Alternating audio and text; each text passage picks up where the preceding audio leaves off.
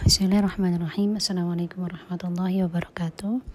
Alhamdulillahirrabbilalamin Wassalatu wassalamu ala ashrafil mursalin Wa ala alihi ajma'in. Amma ba'du. Hmm, Ini pertama kali ya. Pertama kali saya uh, Menggunakan akun Spotify ini Untuk uh, sharing ke teman-teman pendengar semua. Karena banyaknya uh, DM Banyaknya komen Banyaknya uh, Japri yang masuk tanya tentang seputar Ahqaf. Jadi memang alhamdulillah uh, saya dulu pernah kuliah di Al Ahqaf, Al Ahqaf University, sebuah universitas swasta yang ada di uh, Provinsi Hadramut, Republik Yaman. Tepatnya ada di dua kota, ada yang berada di Mukalla dan ada yang ada di Tarim. saya dulu di sana 4 tahun 2008 sampai 2012 ketahuan tuanya ya. Jadi um, memang uh, Universitas Al ini memberikan apa ya istilahnya beasiswa parsial. Kalau dulu zaman saya uh, kita tiap bulannya full nggak bayar. Hanya membayar saat mau berangkat saja dulu sekitar 20 sampai 30 juta. Itu sudah termasuk um, tiket pulang pergi dan segala macam urusan kita sudah nggak ngurus apa-apa lagi termasuk uh, visa gitu ya ikomah juga.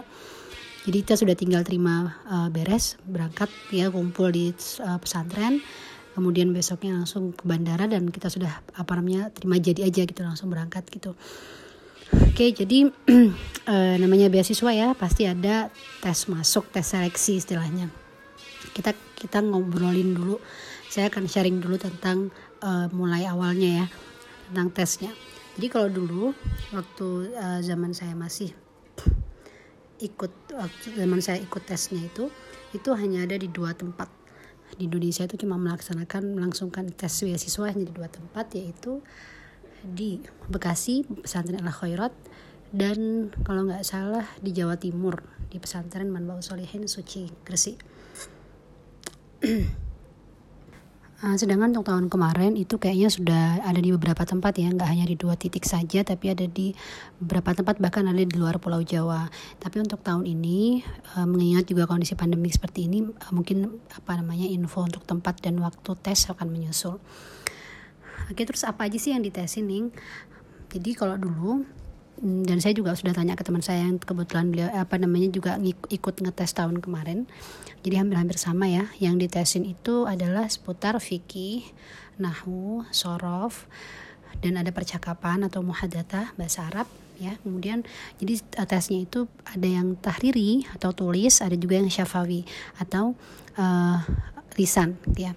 Kalau dulu saya uh, syafawinya adalah uh, baca kitab gitu cuma kalau sekarang katanya juga ada muhadatah juga ada uh, insya ya mengarang memakai bahasa Arab jadi itu yang perlu dipersiapkan sama teman-teman. Terus yang banyak juga dipertanyakan apakah wajib hafal Quran secara kamil? Tidak wajib ya, karena ini juga universitas kita kuliah di sana dan jurusannya juga memang bukan Quran. Jadi kalau misalnya untuk banat untuk perempuan itu jurusannya hanya satu yang bisa kita ambil. Jadi kita nggak bisa milih yaitu jurusan dirasat Islamiyah atau kajian Islam. Jadi uh, semua mata mata apa ya? Semua pelajaran keislaman akan diajarkan di situ. Kecuali ada empat maddah atau empat mata kuliah yang dia ada dari mulai mustawa 1 sampai mustawa 4 dia ada terus dari mulai tahun pertama sampai tahun keempat. Selain empat mata kuliah ini yang lainnya ganti-ganti kayak tafsir mustalah mustalahul hadith uh, komputer kemudian apa namanya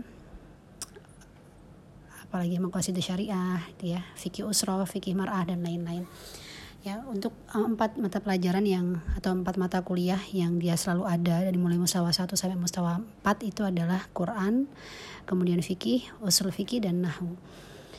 Adapun Qurannya itu ada hafalan. Jadi selain kita belajar tajwid juga ada hafalan. Kalau dulu dan mungkin nggak berubah ya. Yang diwajibkan adalah 8 juz, jadi tiap semester satu juz itu diujikan. 4 juz pertama dan 4 juz terakhir. Jadi juz 1, 2, 3, 4 dan juz 27, 28, 29 dan juz 30. Seperti itu. Nanti tesnya dia hafalan. Setiap semester dites satu juz.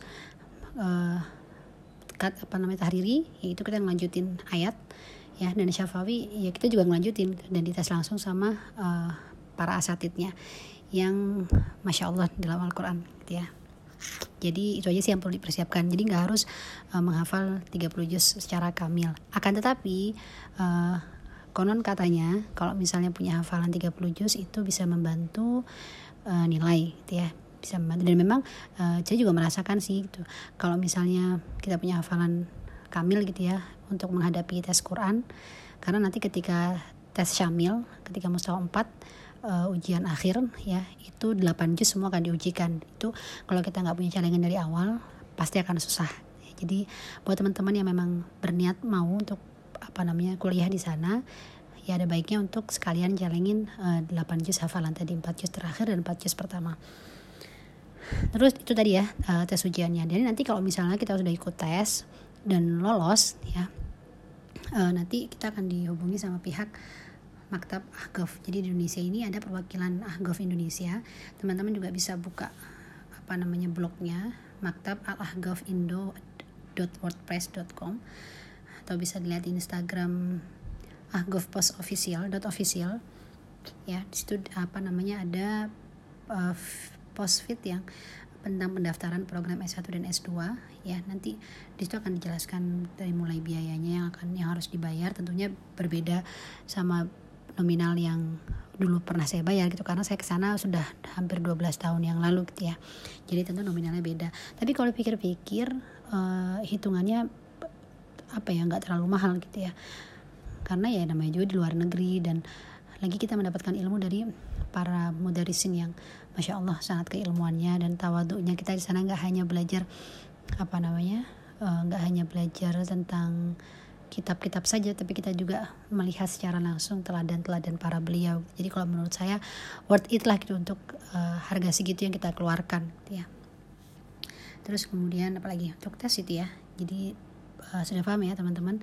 Jadi yang diteskan adalah seputar fikih fikihnya fikih apa? Uh, fatul qarib minimal fatul qarib. Kemudian uh, untuk nahu minimal menguasai kitab jurmiyah untuk teman-teman yang di pesantren pasti sudah paham ya. Kalau misalnya sorofnya minimal al kailani ya itu tadi. Yang penting uh, muhadatsa dan bahasa Arab. Kalau saya dulu apa namanya uh, mungkin agak lemah ya. Maksudnya bahasa Arab memang nggak nggak terlalu suka sama bahasa Arab dulu sebelum berangkat ke Ahqaf. Tapi alhamdulillah uh, dengan maksudnya dengan tekad yang kuat gitu dan saya berusaha untuk memahami bahasa Arab. Karena kan bahasa kuncinya ya gitu. Kunci kita mau memahami penjelasan dosen penjelasan guru di sana ya mestinya harus paham bahasa Arab gitu.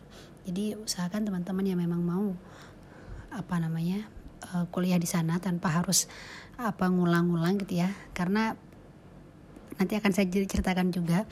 Jadi kan kalau paling cepatnya kita kuliah 4 tahun ya. Tapi ada juga yang kuliah sampai lima tahun itu tergantung dari masing-masing individualnya. Kalau misalnya kita bisa apa namanya mengikuti pelajaran dengan baik kita mau berusaha sungguh-sungguh insya Allah 4 tahun selesai untuk banatnya ya. Bahkan sekarang banyak sekali teman-teman yang adik-adik kelas yang melanjutkan S2 di sana gitu. Kalau dulu teman saya masih di sana S2 nya lumayan lama. Tapi kalau sekarang katanya sih udah cepet. Itu nah jadi segini dulu ya. Ini tentang uh, sharing saya tentang tes masuk beasiswa Ahgov jadi ya kalau misalnya mau masuk Ahgov caranya harus ikut tes itu tadi.